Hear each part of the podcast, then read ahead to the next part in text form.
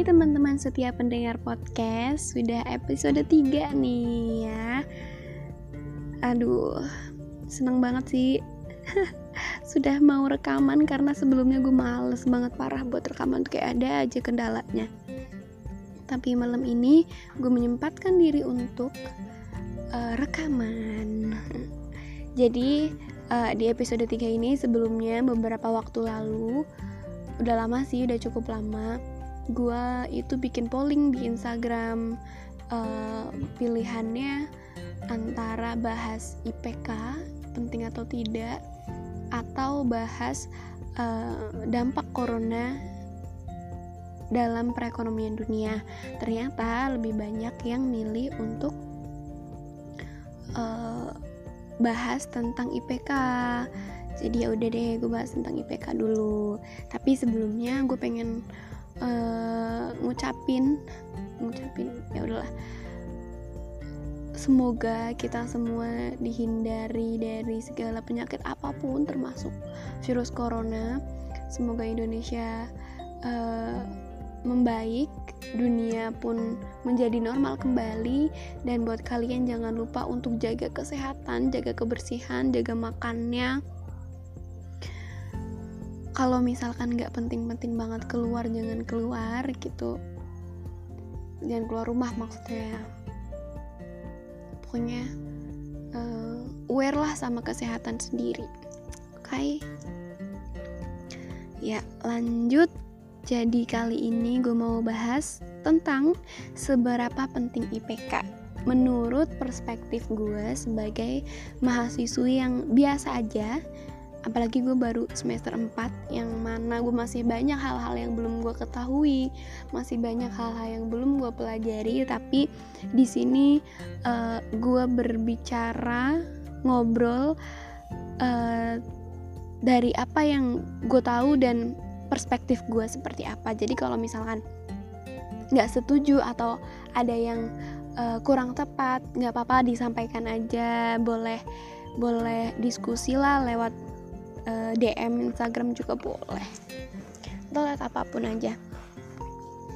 Jadi uh, menurut gue IPK itu tidak penting kalau kalau lu anak konglomerat nih kayaknya tujuh turunan dan lu nggak harus cari kerja. Itu IPK nggak penting nih buat orang-orang yang kayak gitu yang udah punya privilege ya kan? Kalau misalkan uh, bokapnya itu punya perusahaan gede ya dan lu nanti bakalan nerusin kepemimpinan bokap lu ya IPK mungkin gak terlalu penting gak penting gitu ya. Yang penting adalah lu uh, masih tercatat di kartu keluarga bokap lu gitu. Kalau misalkan lu nggak ada di kartu keluarga ya nggak bisa dong lanjutin kepemimpinan bokap lu ya kan? Jadi yang penting adalah lu ada di kartu keluarga gitu. Kalau misalkan uh, lu IPK lu 4,0 tapi lu nggak ada di kartu keluarga ya tidak bisa gitu. Jadi nggak apa-apa IPK IPK nggak tinggi IPK cukup aja nggak apa-apa. Yang penting lu masih bisa tuh lanjutin kepemimpinan bokap lu lu nggak harus cari kerja ya. Terus um, IPK itu nggak penting kalau lu udah jadi bos cuy. Kalau misalkan nih lu udah punya perusahaan dari lu dari lu apa namanya kuliah lu udah punya kerjaan uh, bisnis gitu ya bisnis sendiri dan itu udah udah sukses lah udah bisa dibilang sukses ya ibaratnya lu udah jadi bos cuy ngapain lu memperjuangkan IPK ya kan? Kayak ngambil setiap malam sampai uh, ngerjain tugas nggak sampai nggak tidur gitu gitu nggak perlu. Udah santuy aja santuy. Karena udah jadi bos. Pokoknya menurut gue IPK itu tidak penting buat kalian yang nggak nggak mau cari kerja. Kenapa? Ya nggak menutup nggak uh, ini ya nggak munafik ya. Kalau sekarang pun masih digunakan sistem IPK cuy buat kerja di berbagai lamaran. Pekerjaan yang gue baca nih masih ada loh minimal IPK-nya berapa. Eh IPK minimal 2,75 untuk yang negeri. Sedangkan untuk yang swasta IPK-nya minimal 3 ya jadi kalau misalkan apa uh, lu mau cari kerja kan yang namanya orang cari kerja itu orang membuka lowongan itu ada kualifikasinya kan. Jadi orang yang akan direkrut yang diterima itu orang-orang yang memenuhi kriteria dong orang-orang yang memenuhi kualifikasi. Kalau misalkan salah satu kualifikasinya adalah standar IPK ya gimana kalau misalkan IP lu nggak nyampe gitu loh. Berarti lu udah kekurangan satu poin kan? Jadi tuh uh, yang IPK itu tuh sebagai jembatan gitu loh. Sebagai gerbang awal buat perusahaan ngeliat lu. Walaupun gak harus tinggi-tinggi banget ya setidaknya lebih dari 2,75 deh buat kalian-kalian yang yang kuliah di negeri tapi kalau buat uh, swasta ya sebisa mungkin untuk lebih tinggi karena uh, pasti dilihat kan antara uh, universitas negeri atau universitas swasta ya kalian harus fight lebih gitu. Terus uh, apa namanya? Kalau misalkan sekarang nih emang udah banyak ya kayak udah banyak eh, kata-kata uh, ngapain sih lu ambis banget buat IPK tinggi? Percuma lah IPK tinggi kalau nggak ikut organisasi. Percuma lah IPK tinggi kalau ini. Percuma IPK tinggi kalau ini itu ini itu. Sebenarnya ya kalau menurut gue kalau misalkan lu nggak pengen ngejar IPK tinggi ya jangan ngejudge orang yang dapat IPK tinggi gitu loh. Kayak ya lu nggak tahu aja mereka sampai malam sampai tengah malam sampai pagi ngerjain tugas yang bener-bener kayak ngerjain literally ngerjain gitu loh nggak nyontek ya kan? Ya mereka berhak buat dapetin IPK tinggi. Ada juga nih yang bilang kalau misalkan IPK itu sebagai cerminan tanggung jawab uh, atas hal lain gitu. Kan lu sebagai mahasiswa tanggung jawab lu itu apa hasilnya apa? Yang bisa dilihat secara fisik ya IPK kan. Kalau misalkan lu ngomong e, ya gue punya skill gue punya skill uh, apa misalkan berorganisasi. Terus ditanya mana skill berorganisasi lu? Ya lu harus mempraktekkan kan. Gimana mempraktekkannya? Itu ribet. Tapi tanggung jawab yang bisa benar-benar bisa dipertanggungjawabkan ya dalam bentuk IP cuy. Dalam bentuk IPK kamu sebagai mahasiswa pencapaian kamu apa? IPK kamu berapa? Tanggung jawab kamu seperti apa? Ya tanggung jawabnya ini IPK saya tinggi. Mana lihat ya ada buktinya gitu loh. Ngerti kan? Kayak uh, bukti fisik gitu lah. Bukti fisik kalau lu tanggung jawab sama kuliah lu dan itu cerminan uh, kalau lu itu orang yang bertanggung jawab dengan banyak hal. Kalau dalam IPK kelihatan oh IP-nya tinggi berarti kamu bisa tanggung jawab ya karena itu adalah kewajiban kamu sebagai karena kewajiban sebagai seorang mahasiswa adalah belajar. Nah hasil dari belajarnya adalah IPK kayak gitu. Uh, ada yang ini ada yang memberikan urutan kriteria orang-orang atau mahasiswi itu dari hal yang dimilikinya. Kan orang-orang suka membandingkan antara IPK dan skill kan. Nih jadi yang pertama itu ada yang namanya orang yang keren banget. Orang keren banget itu kalau IPK tinggi skillnya tinggi. Nah jadi lu nggak perlu nggak perlu ngejudge orang yang orang yang punya IPK tinggi karena bisa aja dia ternyata uh, berorganisasi di luar atau dia ikut internship atau dia ikut magang sana sini sana sini ikut volunteer gitu kan. Itu skillnya bisa dibangun dari situ. Kalau misalkan dia di kampus uh, kupu-kupu kan belum tentu di luarnya uh, pas pulang tuh dia langsung tidur gitu kan. Jadi lo harus uh, lihat aja. Oh IPK tinggi tapi dia gimana ya? Oh ternyata di di di luar kampus dia aktif loh. Dia gini dia ikut kegiatan mulai dari organisasi internship in, uh, freelance kayak gitu-gitu.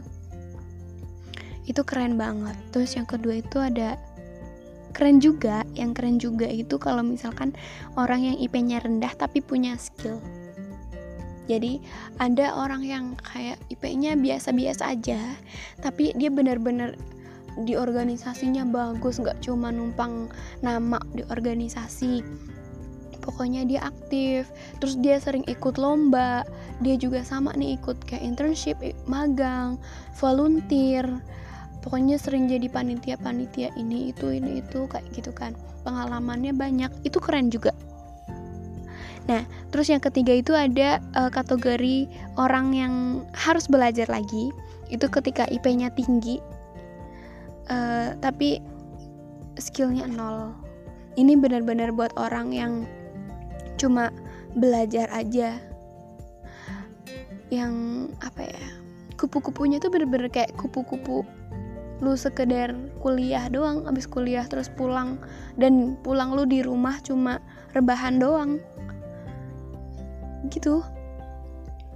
Jadi orang yang IPK-nya tinggi uh, tapi nol skill itu lebih rendah dari orang yang keren juga yaitu IP rendah uh, tapi punya skill gitu. Jadi masih mending lu punya skill.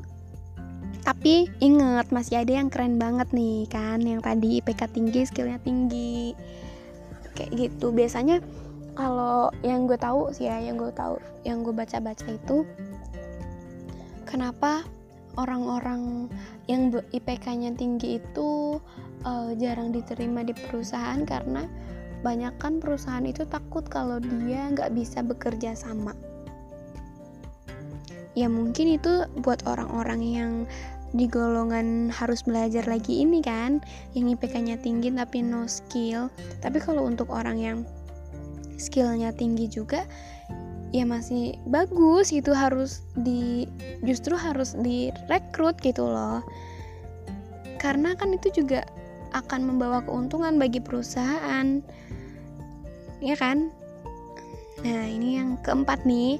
Ini kategori orangnya adalah oh my god.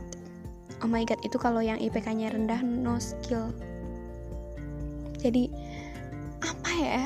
Mungkin untuk uh, orang-orang yang kuliahnya titip absen tapi bukan karena dia kerja atau ikut organisasi atau ikut kegiatan yang mengasah skill tapi titip absen tuh karena nongkrong dan main games. Maksudnya main games yang bener-bener main doang nggak ada nggak ada hasilnya gitu loh. Ini kan oh my god ya kalau gue sendiri sih ya uh, karena gue masih dibiayai orang tua terus gue tuh suka mikir orang-orang teman-teman gue yang kayak gitu tuh gimana sih gitu? Apakah mereka nggak nggak apa nggak mikirin orang tua mereka itu kerjanya kayak gimana gitu? Oh ya ya mungkin mereka uh, ekonominya jauh di atas gue makanya mereka bisa kayak gitu. Cuman ya kadang gue masih mikir kayak gitu aja. Tapi urutan-urutan atau kualifikasi yang tadi itu yang gue sebutin ada empat golongan. Golongan itu tuh uh, sekedar orang yang sekedar apa ya sekedar menggolongkan aja gitu loh. Kayak nggak ada maksud buat oh berarti lu masuk ke belajar lagi oh berarti lu OMG OMG gitu. Ya nggak harus kayak gitu. Ini kan gue cuma menyampaikan ada orang yang seperti ini yang mengatakan seperti ini gitu loh. Ya mungkin ini juga bisa menjadi acuan lalu bisa setuju bisa nggak setuju. Oke okay, gue nggak memaksa untuk kalian setuju sama gue. Ya. Jadi kalau misalkan ada orang nih gue tuh sering kayak ya ngapain sih IPK tinggi? Lu lihat dong. Bill Gates gitu. Bill Gates aja di DO tapi dia bisa ini itu ini itu. Dia termasuk orang terkaya di dunia. Ya sekarang gini cuy ya kan? Bill Gates itu di DO dari Harvard University. Itu adalah universitas terbaik salah satu universitas terbaik di dunia ya kan kalau misalkan lu cuma kuliah di swasta yang nggak keren-keren banget swastanya. Ya lu jangan menyamakan diri lu kayak Bill Gates gitu loh. Dan apalagi ya kalau Bill Gates itu punya privilege dan lu nggak punya privilege jadi jangan beralibi uh, beralibi dengan contoh-contoh yang nggak sebanding gitu. Kalau misalkan lu IPK-nya rendah terus lu lihat teman lu IPK-nya tinggi ngomongnya jangan gitu. Kalau misalkan lu mau kalau misalkan lu mau uh, apa namanya berusaha untuk untuk dapat IP tinggi berusaha aja. Nggak perlu kayak lu menjatuhkan diri sendiri dengan membanding-bandingkan. Allah Bill Gates aja di DO tapi dia uh, jadi orang terkaya di nggak perlu ya kan? Ingat dia di DO itu dari Harvard cuy. Dari Harvard. Jadi uh, carinya yang sebanding memang ada orang-orang yang tidak kuliah dan IPK rendah tapi dia sukses, ya kan? Tapi banyak juga orang yang IPK-nya tinggi dan sukses. Jadi kalau misalkan lu ngomong ya emang banyak juga sih orang yang IPK-nya tinggi terus nganggur. Ya sekarang gini aja. IPK tinggi aja nganggur apalagi IPK rendah gitu loh. Ya kan? Ya enggak sih? Lagi-lagi ini untuk orang yang uh, membutuhkan pekerjaan ya. Ya nih balik lagi ke Bill Gates. Dia itu punya privilege orang tuanya itu uh, ayahnya sebagai pengacara dan ibunya sebagai pengusaha. Jadi si Bill Gates itu dibantu secure the deal with CEO of IBM it, uh, sama orang tuanya gitu loh. Karena dia punya privilege. Ini tuh ada dalam buku Outliners dan Malcolm Gladwell. Coba dicek ya guys jadi kalau misalkan mau uh, apa namanya mendapatkan eh mendapatkan membandingkan itu atau membawa contoh itu yang sebanding gitu loh. Jangan yang langsung Bill Gates gitu loh. Lu tuh di universitas swasta yang biasa aja gitu. Gue jadi sedih kan? Nggak gue lebay anjrit terus ada juga orang-orang yang bilang apa namanya kita tuh butuh orang-orang yang bisa mendobrak sistem. Dan apa namanya orang-orang yang suka mendobrak sistem itu biasanya orang-orang yang yang yang nggak terpaku sama sistem dong tentunya nggak nurut-nurut aja. Dan biasanya ini adalah orang-orang yang IPK-nya kurang atau rendah. Tapi ya kalau misalkan lu mau mendobrak sistem ya tentu lu nggak nggak cuma mendobrak aja karena uh, lu nggak suka sama sistemnya dong. Nggak bisa dong. Orang-orang yang mendobrak sistem itu dia harus harus tahu teorinya harus tahu dasar-dasar teo dasar teoritisnya lu harus trial and error nggak bisa langsung mendobrak karena gue nggak suka sama sistem yang kayak gini. Tapi lu cuma mendobrak aja dan uh, itu sebenarnya bukan mendobrak kali ya kayak lebih ke uh, apa namanya memberontak gitu. Kayak ya memberontak uh, tapi lu nggak punya dasarnya gitu loh. Mau mendobrak sistem tapi lu nggak nggak tahu dasar teorinya dan itu kan harus harus butuh trial and error. Jadi ya banyak tahapannya gitu dan harus didukung lingkungan yang sportif dong. Tentu lingkungannya harus mendukung banget. Kalau lingkungannya nggak mendukung ya gimana? Pokoknya lu kalau misalkan mau mendobrak ya lu harus punya landasan teorinya.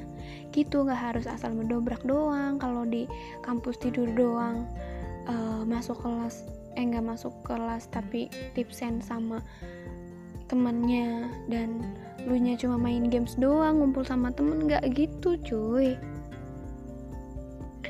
Dan apa namanya? Uh,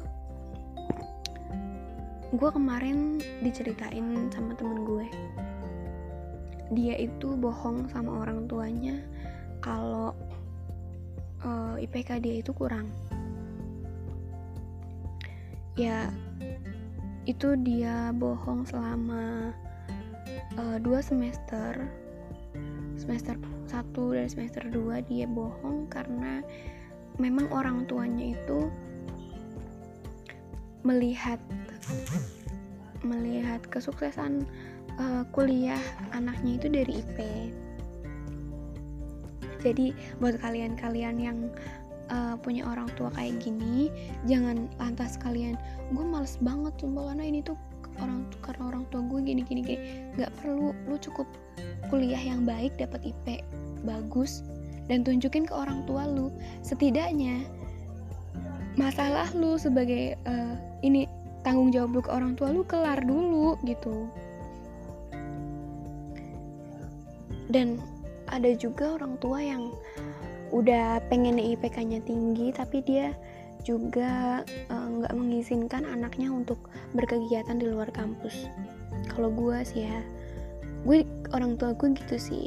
Tapi nggak yang nggak yang apa namanya otoriter banget. Nggak nggak boleh gitu nggak. Tapi kalau gue biasanya ikut ikut uh, kegiatan ikut lomba atau apa tuh karena eh karena kalau uh, gue udah ikut dulu udah daftar dulu tinggal berangkat gitu ya.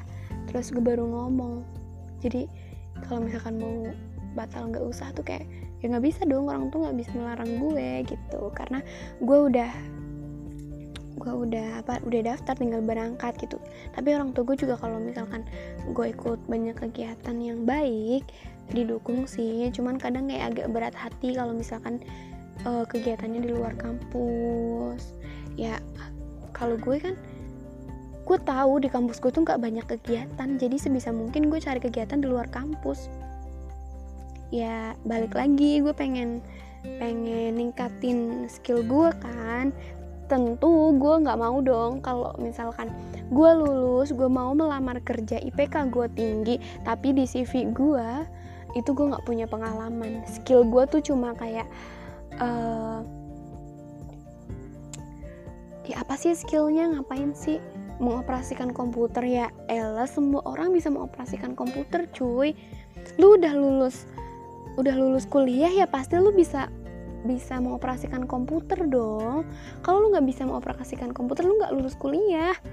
Itu loh maksudnya jangan sebisa mungkin kalau gue tuh jangan uh, nulis di CV itu skill-skill yang yang sebenarnya itu tuh basic gitu nggak nggak masuk kualifikasi. Gitu. Jadi perbanyaklah uh, pengalaman ikuti kegiatan. Selagi itu bagus dan lu seneng ya lakukan gitu loh. Jangan kebanyakan uh, rebahan. Kalau misalkan lu pengen sukses tapi lu rebahan mulu kayak ya ampun ini tuh generasi milenial maksudnya di generasi lu ini tuh banyak banget orang di luar sana tuh yang kerja keras. Masa ya sih lu mau lu mau apa namanya rebahan doang gitu scrolling uh, social media? Kan wow. Kalau misalkan sosial media lu uh, lu ikut uh, lomba isei atau lu jadi content writer it's okay. Tapi kalau cuma scroll scrolling sosial media main Twitter main Instagram yang cuma bacot-bacotan doang gitu ya mending dikurangin gitu kok nggak apa-apa main sosial media nggak apa-apa tapi dikurangin diganti uh, dengan kegiatan-kegiatan yang bagus yang bisa menunjang uh, apa pemikiran lu, daya pikir lu, daya pandang lu, sama skill lu yang terpenting. Gitu guys. Nah, um, jadi penting atau tidaknya IPK itu terserah kalian sendiri. Tujuan kalian itu mau apa? Oh ya, gue lupa. IPK itu penting juga untuk kalian yang pengen daftar beasiswa dan uh, pertukaran pelajar atau mau lanjut studi itu penting banget sih IPK parah um, untuk yang beasiswa itu pasti ada qualifiednya itu mm, kualifikasinya itu IPK minimal berapa. Ya kan? Itu udah pasti banget. Mau beasiswa di dalam ataupun di luar negeri pasti ada minimal IPK berapa. Kalau misalkan pun um, beasiswa untuk mahasiswa tidak mampu misalnya itu pun harus berprestasi kan? Ada minimal IPK-nya pokoknya benar-benar ada bukti fisiknya gitu loh. Gitu guys. Itu menurut gue menurut perspektif perspektif gue sebagai mahasiswi yang biasa aja dan gue juga lagi cari-cari banyak ilmu. Jadi mohon maaf kalau misalkan gue uh, kurang dalam penyampaian dalam materi gitu ya. Kalau misalkan mau diskusi sama gue boleh banget DM aja di Instagram at yuliade underscore er atau yang punya WhatsApp gue juga boleh. Atau mau kirim email juga bisa. Kalian bisa lihat di deskripsi aja. Terima kasih untuk kalian yang mau mendengarkan. Semoga bermanfaat. Sampai jumpa di next episode. Bye Thank you.